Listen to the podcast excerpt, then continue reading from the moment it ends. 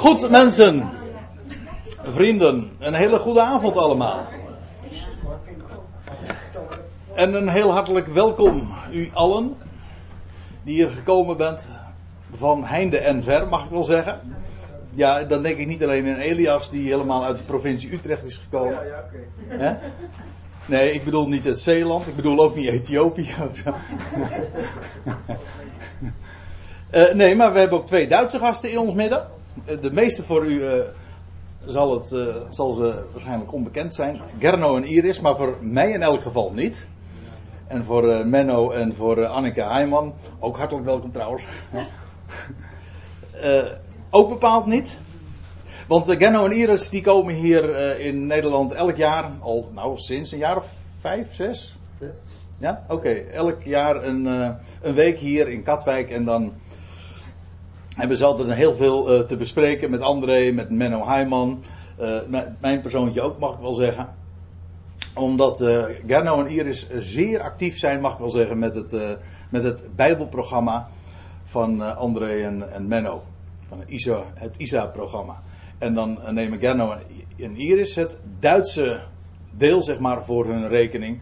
En daar zijn ze al vele, vele jaren, echt elke vrije minuut, mag ik bijna wel zeggen uh, besteden ze daaraan. En nou, ik vind het geweldig dat ze hier in ons midden zijn. Ze spreken geen Nederlands, maar ik vermoed dat ze toch wel het een en ander zullen oppakken. Ja. ja. Dit begrijp jij? Ja, ja? oké. Nou, dat zal vast wel gaan lukken. En in elk geval, als ik dit laat zien, dan zegt dan. Wacht even, oh nee. Nou, dat gaat wel heel veel. Kijk, dit, dit, ik wil, als ik dit laat zien, dan zegt Gerna ah en Iris. Ah, dat is het. Juist, dat ken ik. Goed, we gaan weer eventjes terug naar het begin. En voordat we de Bijbelstudie gaan aanvangen, stel ik voor dat we. En daarmee zijn wij aangekomen bij inmiddels de vijfde studie over deze brief, de Hebreeënbrief. En we waren gebleven bij hoofdstuk 2. Daar zijn we vorige, de vorige keer mee begonnen. En daar, toen zijn we gebleven bij hoofdstuk 2, vers 9. En daar pakken we straks dan ook weer de draad bij op. Maar het lijkt mij een goed idee om eventjes een helder beeld ook te hebben van het totaal. Ik heb dat tot dusver nog niet eerder gedaan. Maar er is uh, om gevraagd en eigenlijk ook heel terecht. Hoe ziet die brief er in zijn geheel uit? Dat wil zeggen, hoe deel je het in? En ik heb daarbij voor het gemak, en ik heb het ook boven geschreven, het is een grove indeling van de brief. Eh, voor het gemak heb ik gewoon maar de hoofdstukindeling ongeveer eh, als leidraad daarbij genomen. En dat klopt in dit geval ook vrij aardig. Zodat we een beetje een idee hebben, een overzicht van hoe de brief ehm, als, als geheel gaat. Wel, hoofdstuk 1 en 2, daar zijn we nog steeds mee bezig. Dat gaat over de zoon die beter is, verheven is boven de engelen. Beter dan de engelen, waarbij ik iedere keer ook, dat zult u vanzelf zien, het woord beter gebruik, maar dat is een van de sleutelwoorden ook van deze Hebreeënbrief. Verheven boven de engelen, dat is hoofdstuk 1 en 2 hoofdstuk 3 en 4 beter of verheven boven Mozes en Jozua. Dan krijg je hoofdstuk 5, 6 en 7, maar liefst drie hoofdstukken worden gewijd aan de verhevenheid van, van de Zoon van God of van Christus, die verheven is boven Aaron, maar ook boven Melchizedek. Daar wordt een compleet hoofdstuk aan gewijd in hoofdstuk 7 dan. Dan Hebreeën 8, dat gaat over een beter verbond. Daar worden het oude en het nieuwe verbond tegenover elkaar geplaatst. Hoofdstuk 9 gaat over de betere en hogere, in de letterlijke zin zelfs van het woord, de hogere tabernakel, namelijk het hemelsheiligdom. En Hebreeën 10 gaat over het betere offer. Dat wil zeggen, de offer, het ene, het grote offer van Jezus Christus wordt geplaatst tegenover de offerdienst zoals die we is gegeven op de berg Sinaï, de hele offer, de Mosaïsche offerdienst. Het betere offer. En dan krijg je hoofdstuk 11, en dat is wel een heel bekend hoofdstuk van de geloofsgetuigen. Een volk van getuigen, zo wordt het ook genoemd in de Hebreeënbrief. Hoofdstuk 12, dat gaat over de leidsman en voleinder van het geloof. Deze uitdrukking is ook ontleend aan hoofdstuk 12. En dan uiteindelijk hoofdstuk 13, maar dat duurt nog een hele tijd voordat we daar zijn aangeland natuurlijk. Uh, dat zijn enige slotwoorden. Maar toch ook nog weer een vrij lang hoofdstuk. Deze hele brief zou je in grote, drie grote afdelingen kunnen plaatsen. Dat wil zeggen hoofdstuk 1 tot en met 7. Dat gaat over de zoon is beter, de betere persoon. Hoofdstuk 8 tot en met 10 gaat over het betere bestel of het betere, de betere orde. Namelijk een beter verbond, een betere tabernakel, een beter offer. En dan tenslotte de laatste drie hoofdstukken gaat over de betere levenswandel. Want hoofdstuk 11, 12 en 13 die hebben vooral de praktijk op het oog. Dat zijn zo grofweg de drie hoofdafdelingen in de brief. Maar goed, u ziet, uh, dit zijn zo de onderwerpen, de thema's die in deze brief passeren. Waarbij ik trouwens wel moet zeggen dat uh, het in de praktijk nog wat ingewikkelder is, omdat de brief kent ook nogal wat tussenzinnen. Maar dat heb ik allemaal even buiten beschouwing gelaten om een beetje een algemeen overzicht te hebben van deze brief. Wellicht dat we hier later nog eens een keer op terug zullen komen. Want als we zo in de details terechtkomen en je gaat het vers voor vers en sterker nog regel voor regel de brief behandelen, dan is het altijd goed om het totaal, de hele context en zelfs het, de, de hele, het oogmerk van de brief, de adressering en de, de reden waarom de brief geschreven is, om dat altijd goed in ogenschouw te houden. Ik stel voor dat we, voordat we gaan beginnen met hoofdstuk 1, vers 10, dat we nog even de eerste negen versen met elkaar zullen lezen. Dat hebben we dus de vorige keer al besproken. Daarom, begint dan de schrijver in hoofdstuk 2, daarom moeten wij te meer aandacht schenken aan hetgeen wij gehoord hebben, opdat wij niet afdrijven. Want indien het woord door middel van engelen gesproken van kracht is gebleken en elke overtreding en ongehoorzaamheid rechtmatige vergelding heeft ontvangen. Hoe zullen wij dan ontkomen indien wij geen ernst maken met zulk een heil, dat allereerst verkondigd is door de Heer en door hen die het gehoord hebben en op betrouwbare wijze ons is overgeleverd. Terwijl ook God getuigenis daaraan heeft gegeven, het staat in de verleden tijd, door tekenen en wonderen en velelei krachten en door Heilige Geest toe te delen naar zijn wil. Want niet aan engelen heeft hij de toekomende wereld, waarvan wij spreken, onderworpen. Maar iemand, David, heeft ergens, Psalm 8, betuigd, zeggende: Wat is de mens dat gij zijner gedenkt? Of des mensen zoon dat gij naar hem omziet?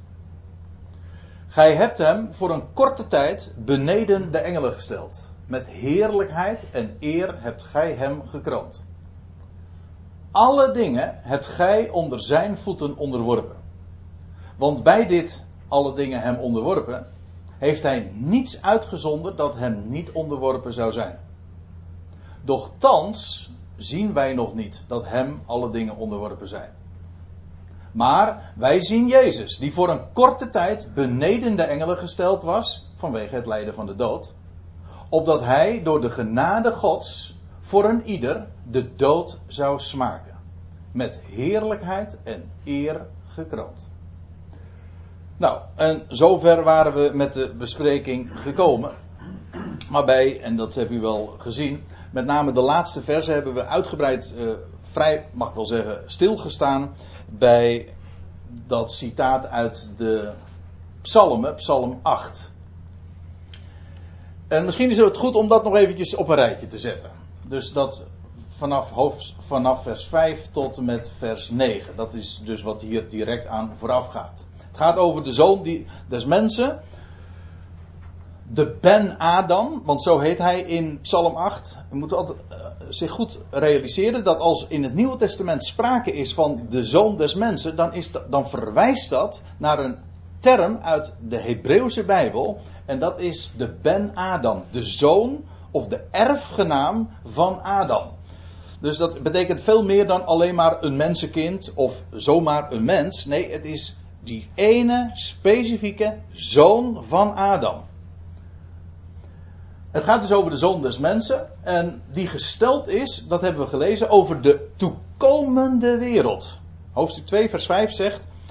Want niet aan engelen heeft hij de wereld, de toekomende wereld waarvan wij spreken, onderworpen. Dus hij spreekt over die toekomende wereld. Niet de tegenwoordige wereld is aan de zoon van Adam onderworpen, maar de toekomende wereld. Hij is gesteld daarover en korte tijd is hij beneden de engelen gesteld. En dan wordt er ook bij gezegd, vanwege het lijden van de dood, voor een ieder. Heeft, die dood heeft hij gesmaakt. Nou, het is nog maar een paar dagen geleden dat de hele christenheid daar heel speciaal ook aandacht aan heeft gegeven. Eh, Goede Vrijdag, dat hij de dood gesmaakt heeft. Dat woord gesmaakt geeft dus aan dat het maar niet zomaar langs hem heen is gegaan. Nee, hij was mens. Hij is mens. En hij heeft die dood gesmaakt. Hij is uh, met recht dus het uh, wordt er gesproken over het lijden van de dood. Maar het was een korte tijd is hij beneden de engelen gesteld. En dat had David in Psalm 8 al geprofiteerd. Wel, hij is in het verleden korte tijd beneden de engelen gesteld. En dat gaat dan specifiek over het lijden dat betrekking heeft met op zijn dood. En wel, hij is ten derde dagen opgestaan en hij is nu met heerlijkheid en eer gekroond. En dat zegt de schrijver dan ook. Wij zien Jezus. Die, die toekomende wereld is hem onderworpen. En wat zien wij daarvan? Niks. Maar wij zien Jezus. Ja, niet met deze ogen, maar gewoon met de ogen, door middel van de schrift, door de bril van de schrift, zien wij Jezus gekroond met eer en heerlijkheid. De heerlijkheid van het nieuwe leven dat hij aan het licht gebracht heeft en de kroon die hij van God heeft ontvangen. En dat straks geopenbaard zal worden. Maar alles, en dat is de clue ook van de Hebreeënbrief, alles is vandaag verborgen. Later in de brief uh, komt dat natuurlijk nog uit, uitgebreid te sprake. Trouwens ook al in hoofdstuk 2 dat hij de, de koning priester is die ingegaan is in het heiligdom. Ontrokken aan het oog, maar niettemin, daar is hij.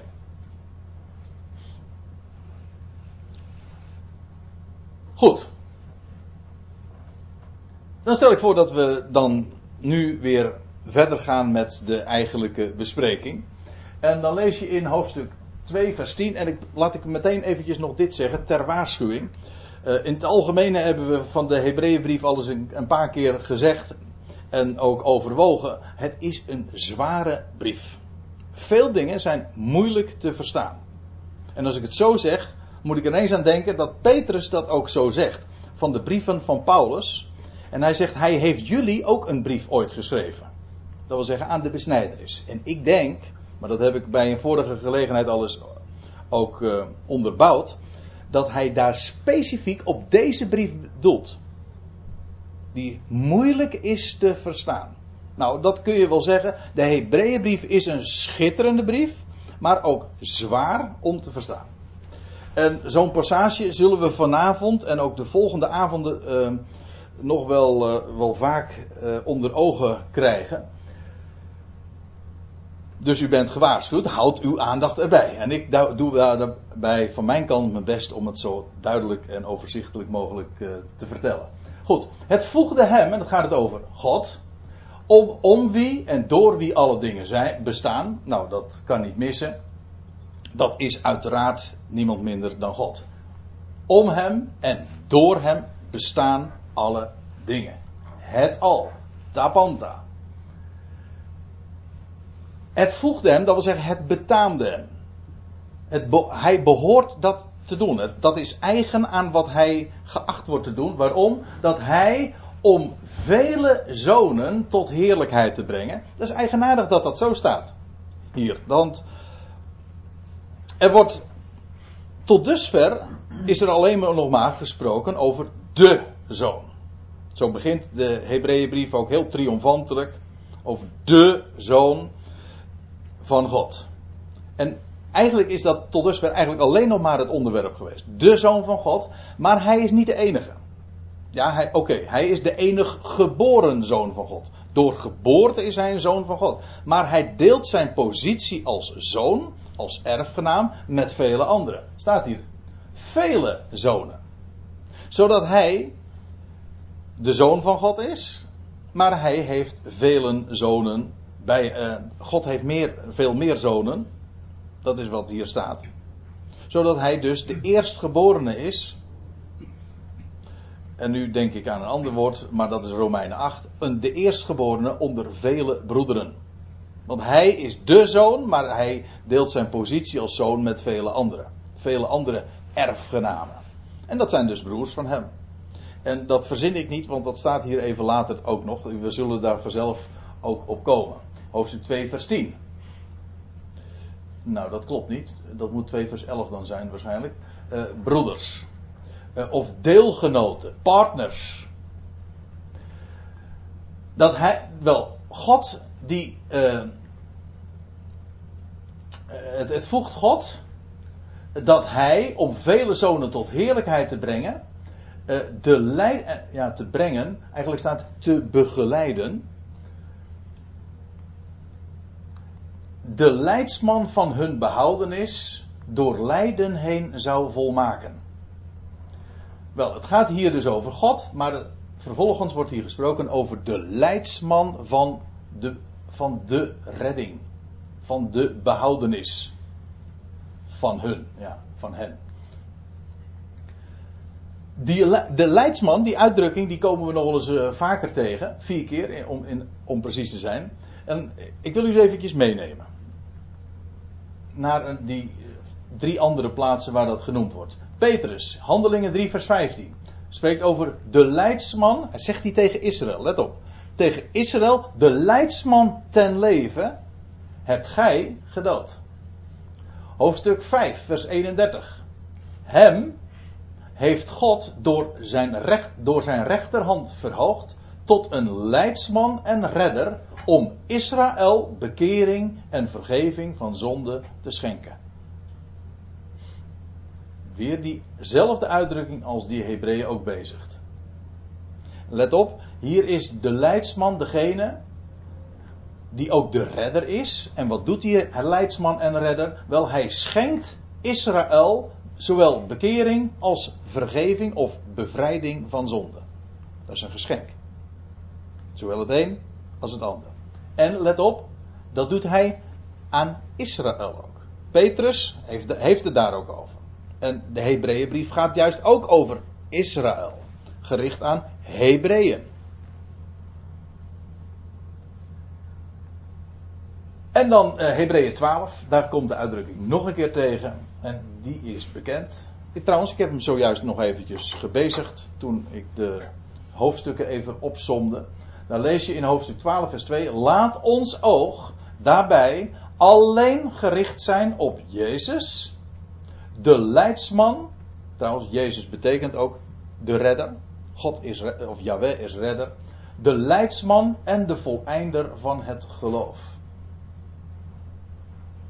En er zit hier, maar dat zullen we later nog uh, wel wat, wat beter en gedocumenteerd zien. Er zit hier zelfs al een verwijzing in naar Mozes en naar Jozua. Jozua die Israël leidden uit Egypte en door de woestijn als leidsman. En Jozua als de volleinder die hen ook daadwerkelijk in het beloofde land bracht.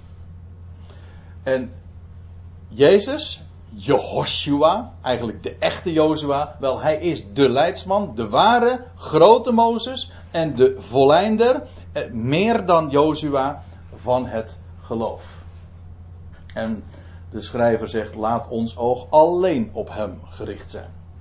Die leidsman. Maar u ziet, in al die gevallen heeft die uitdrukking de leidsman vooral ook betrekking op zijn relatie tot het volk van Israël. In Handelingen 3 en Handelingen 5 zie je dat. Als leidsman staat hij in uh, relatie tot Israël om hen bekering te schenken en bevrijding van zonde.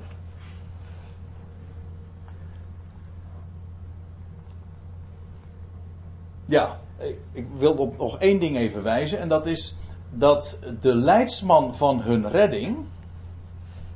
Hij is de leidsman, ja, hij brengt hun redding.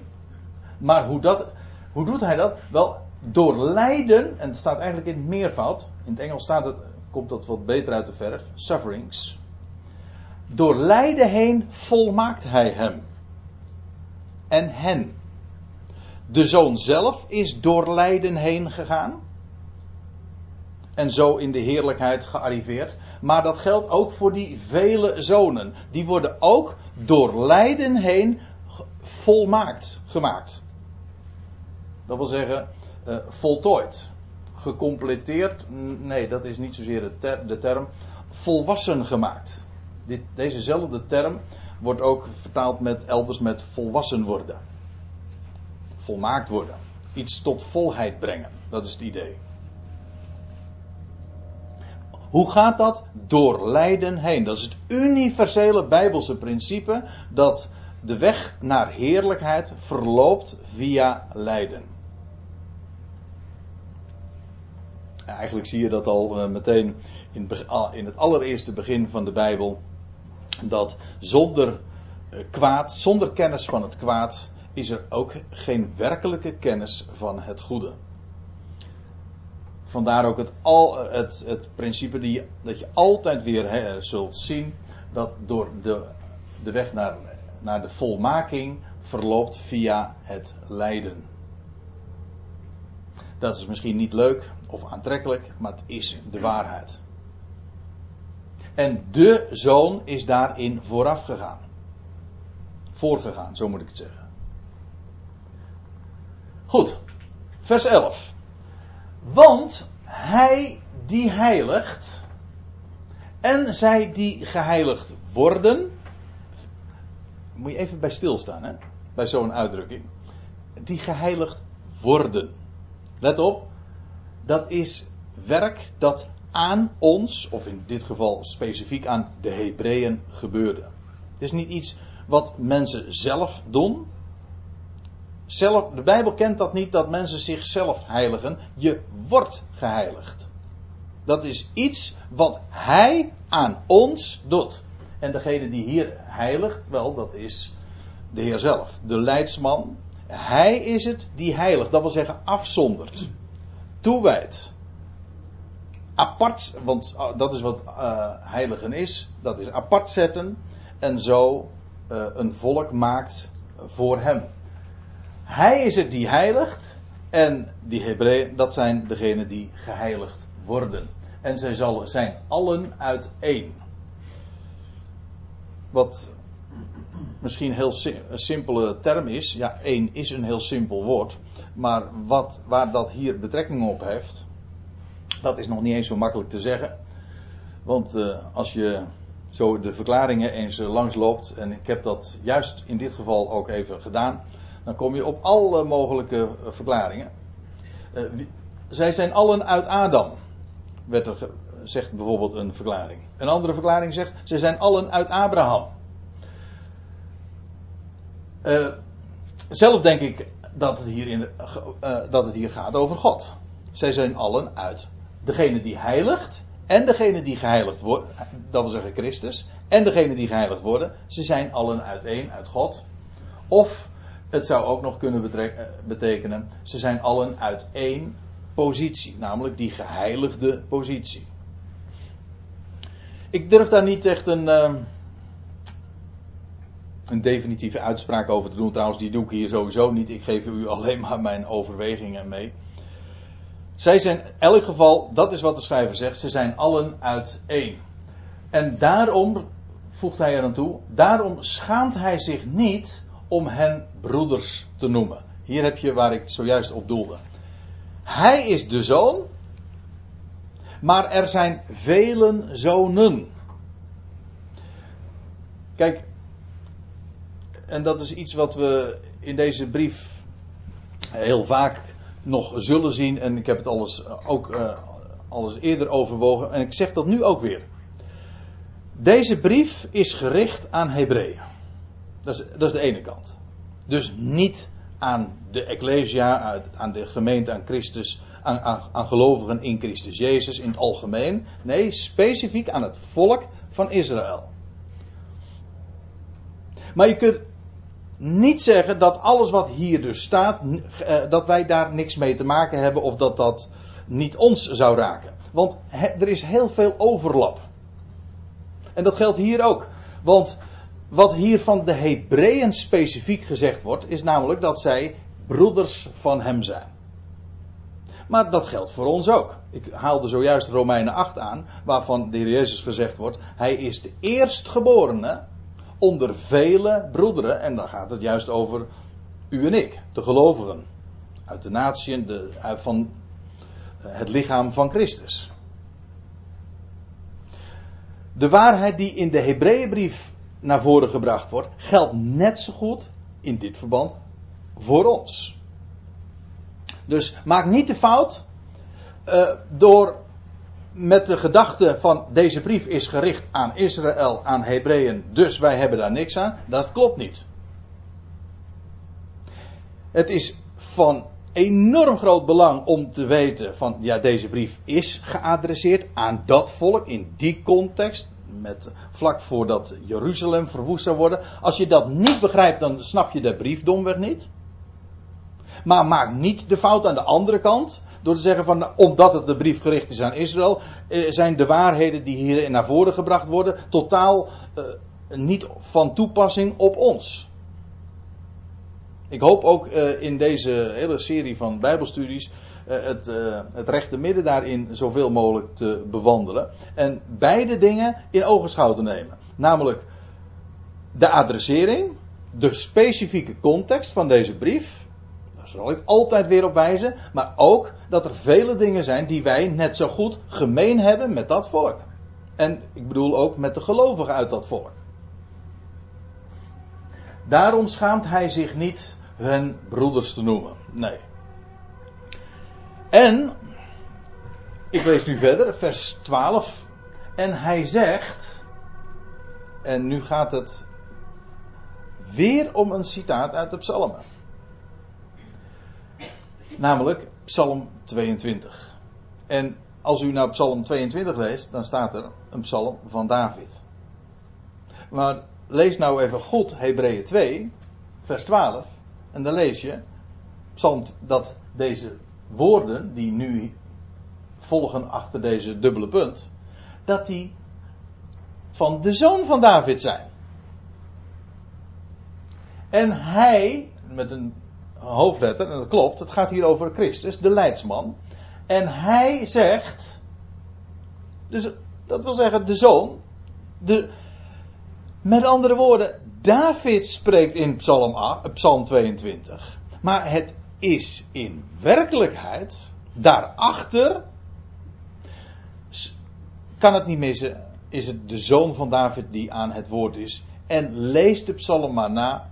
Het blijkt in alle opzichten. Het is een profetische psalm. En de, de ik-figuur in psalm 22 is niemand minder dan de zoon van David. Ja, en er staat, uw, hij zegt, en dan volgt dus een citaat, uw naam zal ik aan mijn broeders, mijn broeders verkondigen, in het midden van de gemeente zal ik uw lof zingen. Ja. Nou, nou ga ik u even meenemen naar Psalm 22. Dat is zo boeiend. Ik, ik, uh, ik vind uh, iedere keer een sport weer om, om de context erbij te betrekken van al die citaten. En dat is een hele klus, dat realiseer ik me. Maar iedere keer als de schrijver van de Hebreeënbrief een citaat geeft uit de Tenach, uit het Oude Testament, dan blijkt dat zo zeer to the point te zijn. En dat is in dit geval zo. Het gaat hier over de zoon van David. En dat blijkt gewoon. Ik zal het u ook bewijzen. Psalm 22. Het is een psalm, staat er, van David. Maar, zoals uh, Petrus dat in Handelingen 2 ook zegt. Petrus, of David was een profeet en hij heeft gesproken vanuit iemand die uit zijn lendenen zou voortkomen. De Messias. Ja. Nou, het is een psalm van David. En dan lees je dat eerste gedeelte van die psalm. Dat is een lange psalm. Maar de eerste 22 versen van deze psalm gaan allemaal, stuk voor stuk, over het lijden dat over de Christus zou komen. Nou, dat begint al in vers 2. Ja, ik, u zou nou eigenlijk een bijbeltje voor u moeten hebben om het eventjes dan met me mee te lezen. Maar goed, ik, eh, ik zet het hier eventjes op een rijtje. Uh, het begint al met: Mijn God, mijn God, waarom of waartoe hebt gij mij verlaten? Nou, we weten allemaal, deze woorden sprak de Heer op het kruis. Het, is een, het zijn precies die woorden van Psalm 22 die hij in zijn mond nam. En niet alleen deze, psalm, niet alleen deze woorden. Toen David dit optekende, sprak hij over de zoon van David. En dan lees je in vers 7. Ik, ik, wijs op een paar highlights in deze psalm. Om gewoon echt ook aan te geven en te bewijzen dat het gaat over de zoon van David. Hij is veracht door het volk Israël. En dan in vers 17. Honden, en in de Bijbel is dat een aanduiding voor de natieën. Ja, dat is niet zo erg eh, complimenteus, maar het is, uh, het is een, een Bijbelse gedachte. Honden hebben mij omringd. En dan staat er in datzelfde vers nog bij, die mijn handen en voeten doorboren. Hoe duidelijk wil je het hebben? Sprak David over zichzelf? Nee, natuurlijk niet. Dat kan helemaal niet. Er staat dus echt, die mijn handen en voeten doorboren. Dat gaat niet over David, dat gaat over de zoon van David. En dan nog even verder, vers 19. Zij verdelen mijn klederen onder elkaar. Ook dat wordt trouwens in de Evangelie aangehaald en, en gezegd van let op, Psalm 22 gaat hierover, opdat vervuld zou worden de woorden, nou ja, dit. Psalm 22 is een profetische psalm. David had al duizend jaar van tevoren al zo beschreven. En dan aan het einde van, uh, van dat gedeelte in vers 22, dan klinkt de roep: Verlos mij. Dat, is, dat zijn de woorden van de Messias aan het kruis. Verlos mij. En dan krijg je een complete ommekeer in deze psalm. Deze psalm valt uiteen in, in twee delen. En het eerste deel gaat over het lijden dat over de Christus komen zou. Is van vers tot vers volstrekt profetisch. En dan krijg je de grote wending in hoofdstuk. Uh, nee, niet in hoofdstuk. In vers 23 tot en met het einde van de psalm, vers 32. Dus het eerste gedeelte gaat over het lijden dat over de Christus komen zou. En het tweede gedeelte gaat over de, al de heerlijkheid daarna. Nou, en dan lees je in vers 22, vers C nog. Dat is de, de, het omslagpunt. Eerst dus, verlos mij. En dan vers 22c. Gij hebt mij geantwoord. En nou, ik, zeg, ik, ik bedenk het even ter plekke. En dat ben ik vergeten te zeggen, maar ik wilde er toch nu eventjes op wijzen. Want in Hebreeën 4. Daar ga ik nu eventjes met u naartoe. Dus even een. Even een intermezzo, want de gedachte uh, komt mij nu ter plekke te binnen. Uh,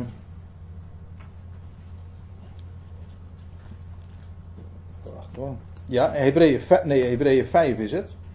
Daar lees je in vers 7. Tijdens zijn dagen in het vlees heeft hij gebeden en smekingen onder sterk geroep en tranen geofferd aan hem, die hem uit de dood kon redden.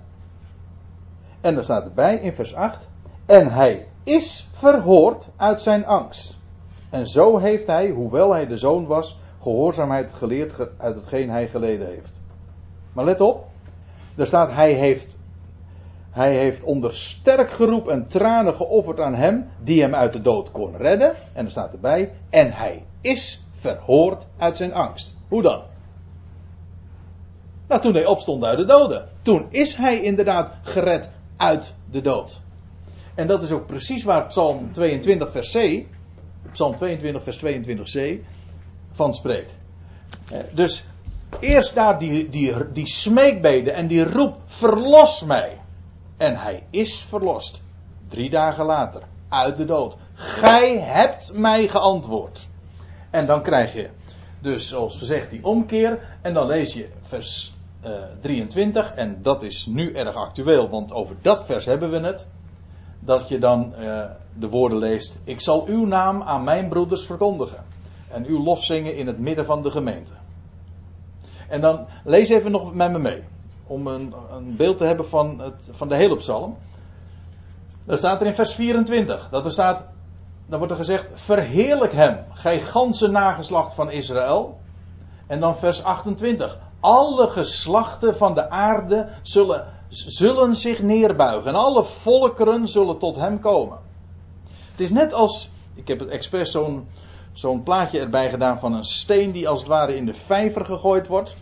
Eerst daar die ene, die eenzame, zo wordt hij ook in Psalm 22 genoemd, die eenzame ziel die sterft aan het kruis van God en mensen verlaten. En die eenzame, die wordt geantwoord. Hij, hij heeft die bede tot God ge, uh, geofferd en hij heeft dat uitgesproken. Hij is geantwoord. En dan vervolgens, dan krijg je een, een, eerst een kleine kring om hem heen. Hij vertelt zijn naam aan zijn broeders. Dan, ik zal mijn, ik zal uh, uw lof zingen in het midden van de gemeente. Dan vervolgens nog later, dat is nog steeds toekomst in onze dagen, krijg je het volk, het ganse nageslacht van Jacob, van Israël, om hem heen. En nog weer later, alle geslachten van de aardbodem zullen zich neerbuigen voor hem. Dus de kring wordt steeds wijder, steeds wijder. En wij weten dat die kring zelfs ongelimiteerd is. Alles en iedereen gaat insluiten. En dat zie je, die contouren zie je al in Psalm 22.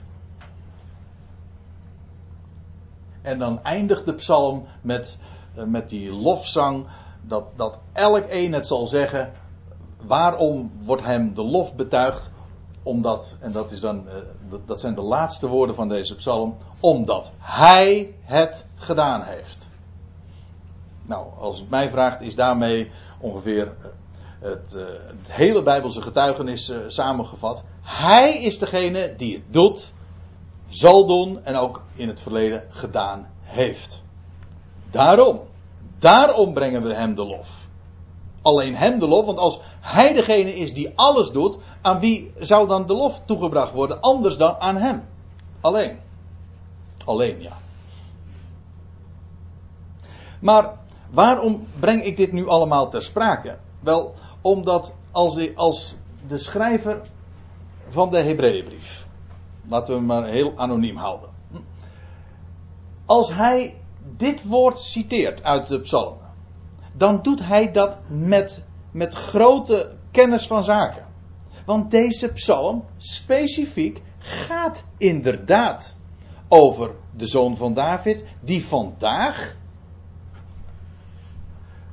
zijn, na zijn opstanding de naam van God aan zijn broeders heeft verkondigd. En hij, heeft, hij is aan hen verschenen, aan Israël in de eerste plaats. En in het midden van de gemeente staat er: zal ik uw lof zingen.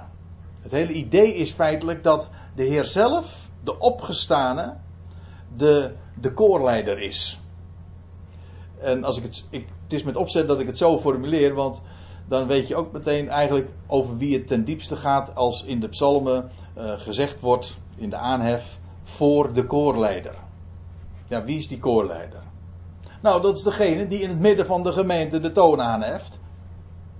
De voorzanger, degene die, degene die inderdaad in het midden de zang aanheft. Waarom? Wel, omdat hij geantwoord heeft. Het, de, de, de reden van die lofzang in Psalm 22, hier in dit gedeelte, is omdat God antwoord heeft gegeven op zijn beden. Namelijk, hij heeft hem leven gegeven onvergankelijk leven. Hij stond op uit de doden. Dus dit gaat allemaal over het, uh, over het geopende graf. Over de weggewentelde steen. Daarom. En alle consequenties van dien, want dat leven wat hij aan het licht bracht, dat, dat wordt aan, aan, aan een, aan zijn broeders gegeven, aan een gemeente. En later lees je over een grote gemeente, over het ganse nageslag van Jacob, over alle geslachten van de aardbodem. Kortom, het houdt niet op. Iedereen krijgt dat. Hij is degene die dat doet. En hij heft de lofzang aan. Ik vind het een geweldige gedachte, want in wezen geldt dat ook op uh, voor de Ecclesia die de Heer zich van in onze dagen vormt. Voordat het, het nageslag van Jacob zich zal bekeren, is daar nu ook al een Ecclesia. Namelijk waar u en ik deel van uitmaken. En hij is degene die de lofzang aanheft. En hij, ja, ik, uh, ik neem u even mee nog naar een ander uh, vers. Ik kan het niet nalaten. En dan zijn we inmiddels helemaal aan het einde van de brief gekomen. Hebreeën 13, vers 15. Daar staat: Laten wij dan door hem, dat wil zeggen door de koorleider, hè, door hem, de Heer Jezus Christus, goden, dat wil zeggen aan God, voortdurend, ja, in alles, voortdurend een lofoffer brengen. Wat is die, dat lofoffer dan? Namelijk de vrucht van onze lippen die zijn naam beleiden. Op het moment dat wij spreken van Hem en van Zijn heerlijkheid en van wat Hij aan het licht heeft gebracht, dat is Zijn lof. Zijn heerlijkheid is, eh, wordt dan in het licht gesteld. Denk niet dat dat alleen maar is wanneer je een lied zingt. Op het moment dat je Zijn heerlijkheid in je mond neemt en, en Zijn woord spreekt en dus daarmee Zijn glorie in het licht stelt, wel, dat is, dan beleid je zijn naam en dat is de vrucht onze lippen en dat is dat lofoffer. Laten we dat voortdurend doen, staat hier. In alles. Eigenlijk is dat ook weer zo'n thema van de Hebreeënbrief. Dat we als, als priesters in het heiligdom gaan. Namelijk om hem te verheerlijken. Goed. Nou, dat was dat ene citaat. Uit Psalm 22. Maar daar zijn we, daar zijn we er nog niet. Want uh, dan komen we in vers 13 aan van Hebreeën 2. En wederom, en daar bedoelt de schrijver dit te zeggen van nou ik geef nu nog een citaat. Nou, we zijn nog maar kort eigenlijk uh, geleden met de Hebreeënbrief begonnen. Het is nog maar het tweede hoofdstuk. Maar hoeveel citaten hebben we inmiddels al niet uit het Oude Testament behandeld? Enorm veel. Ja. En, maar hier zegt hij weer, en wederom. Uh, en dan volgt een citaat uit Jesaja 8, vers 17. Ik, dat is de Messias, ik zal op hem vertrouwen. En ook hier gaat het weer over de Messias. Maar voordat ik u dat laat zien, wil ik u nog even meenemen naar de rest van dat vers. En wederom, en dan volgt een citaat uit Hebreeën 8, vers 18. Dus hier dit was Hebreeën 8, vers 17. En nu volgt een citaat uit Hebreeën 8, vers 18. Hetzelfde passage. Zie hier ik en de kinderen die God mij gegeven heeft. Ik zei al, dat zijn woorden uit Hebreeën, uh, uit uh, Jezaja 8. En opnieuw moet ik weer vaststellen. Dit is zo mooi. Als je dan ook Hebreeën, of nee pardon, Jezaja 8 gaat opslaan. Want wat de schrijver uit de Hebreeënbrief ook hier weer doet, is zeer to the point en zeer ter zake de schriften openen. Het gaat namelijk precies over de, de tegenwoordige tijd. Ik zal u meenemen. En, en het, naar het gedeelte en het laten zien. Jezaja 8, vers 16. Bind de getuigenis. De getuigenis is in de Bijbel een ander een ander woord voor de, de Torah. En soms meer in het algemeen de schriften. De getuigenis. Bind de getuigenis toe en verzegel de Torah. En eigenlijk eh, had ik het dus helemaal niet hoeven zeggen, want dit is een soort dit is een parallelisme. Bind de getuigenis toe, dat is, loopt parallel met verzegel de wet, de Torah. Weet u wat dat betekent? Dat is heel wat hoor als, als er staat, bind, die, bind hem toe, dat wil zeggen, sluit hem. Oftewel, verzegel die Torah, zodat niemand daar inzage in heeft. Niemand het begrijpt, niemand hem kan openen. En bind het getuigenis toe, verzegel de wet onder mijn leerlingen, zodat het alleen voor hen is. Ja. Dat wil zeggen, de Tenach, wat wij het Oude Testament noemen, de Tenach is slechts toegankelijk voor de leerlingen. Die onderwijs krijgen. Die zich laten onderwijzen. Klinkt wat cryptisch als ik het zo zeg, maar ik neem u uh, mee, want dan zullen we het vanzelf zien. En dan moet u opletten, Jezaja, dit was Jezaja 8 vers 16 en dan staat er, en ik zal wachten op Yahweh. En nou, dan moet u meelezen. Aandachtig. Die zijn, die zijn aangezicht verbergt voor het huis van Jacob. En dan staat er, ja, op hem zal ik hopen. Of op hem zal ik, um, wacht even op hem zal ik vertrouwen. Dat is nog weer een, um, dat is een kwestie omdat, van vertaling. Dit is geciteerd uit de Septuagint. Op hem zal ik hopen, op hem zal ik vertrouwen. over welke tijd gaat het? Wel, dit gaat over de tijd dat de Torah toegesloten is. zal ik het met nog een ander woord zeggen? Uit 2 Korinthe. De Torah, de Tenach is bedekt. Er ligt een bedekking op voor Israël. Het is, de Torah is toegesloten. Ze hebben er geen inzage in. Ja, ze lezen hem wel, maar ze begrijpen het niet. Dat is trouwens een ander woord weer uit, uh, uit uh, Jezaja ook. En dat het inderdaad over deze tijd gaat, blijkt. Ik zal wachten op Yahweh, die zijn aangezicht verbergt voor het huis van Jacob. Dat is de tegenwoordige tijd. Heel veel profetieën gaan erover dat, dat God zijn, zijn, eh, zijn volk zou verstrooien onder de natie. En in Deuteronomium lees je het al. Nou, ik, er, er, zijn te veel schriftplaatsen om dat allemaal zo te, op te sommen. Maar eh, degene die het een beetje weten waar ik het over heb, die, die, die, eh, die pakken dat eh, ongetwijfeld. Het gaat over de tijd dat de Heer zijn aangezicht verbergt. Dat wil zeggen, hij laat zich niet zien. De tijd van de verborgenheid. Dat is de tijd waar hierover gesproken wordt. En in die tijd dat hij zich verbergt voor Israël, uiteraard tijdelijk, want straks zal zijn aangezicht geopenbaard worden. En dan, wie zal dan verschijnen? Dan zullen ze de Heer Jezus Christus zien. Want dat is zijn beeld.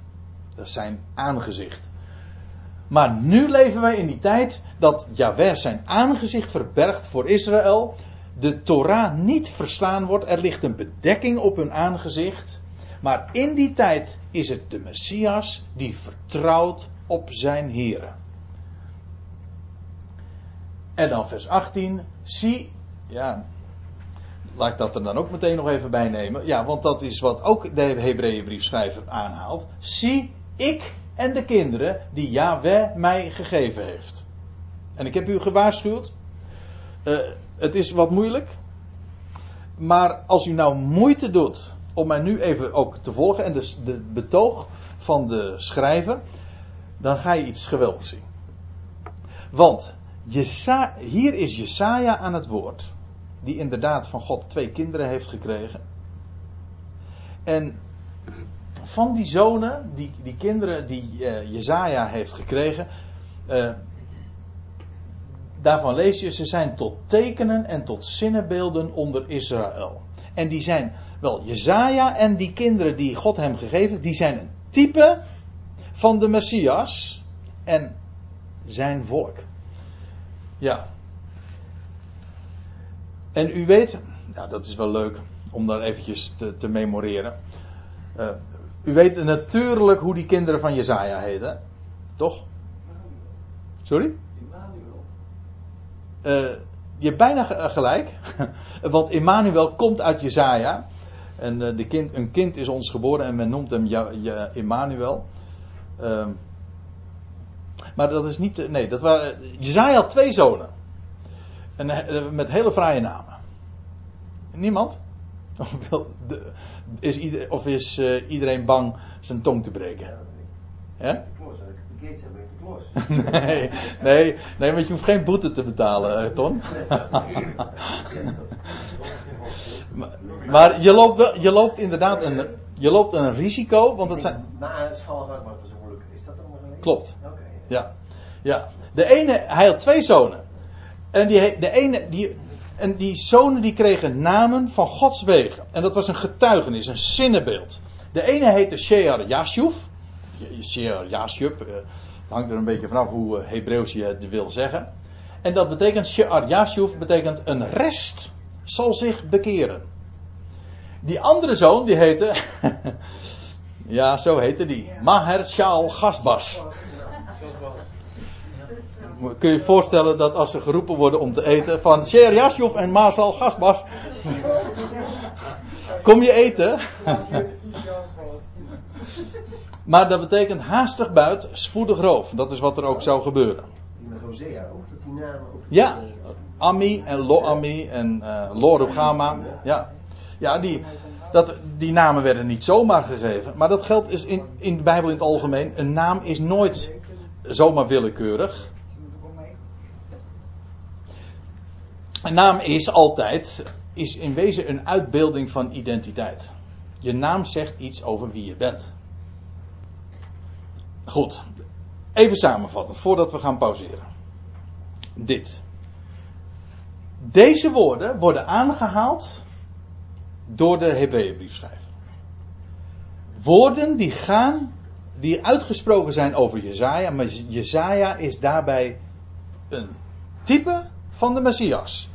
Dit gaat over de tijd dat de, mes, dat de Torah gesloten is, niet toegankelijk is, niet begrepen wordt door Israël, dat God zijn aangezicht verbergt voor het huis van Jacob. Maar in die tijd is er iemand die op God vertrouwt. De Messias. Hij vertrouwt op zijn God en hij heeft kinderen van Gods wegen gekregen. En die zijn een, een zinnenbeeld en een getuigenis voor Israël. Zodat als Jezaja deze woorden uitspreekt, gaat het ook over toekomende dingen, over de Messias. Nou, als u het misschien niet helemaal pakt nu, zou u het bij, een, bij gelegenheid nog eens een keertje na kunnen lezen of na kunnen beluisteren. Maar onthoud dit. De schrijver is zo accuraat. En spreekt precies over die dingen waar de, de, de profeet Jezaja inderdaad ook al van sprak. Deze tijd. Israël verstrooid onder de natie. God verbergt zijn aangezicht. Maar in die tijd is er ook een getuigenis. Onder leiding van de Messias. Die op, vertrouwt op hun heren. En zij worden beschouwd als de kinderen. Nou. En over die kinderen gaat vers 14 dan vervolgens verder. Namelijk de, de kinderen, en dat gaat dan inderdaad over de kinderen van Israël. Maar ik stel voor, voordat ik daar nu verder over ga, dat we eerst even een kopje koffie met elkaar gaan drinken.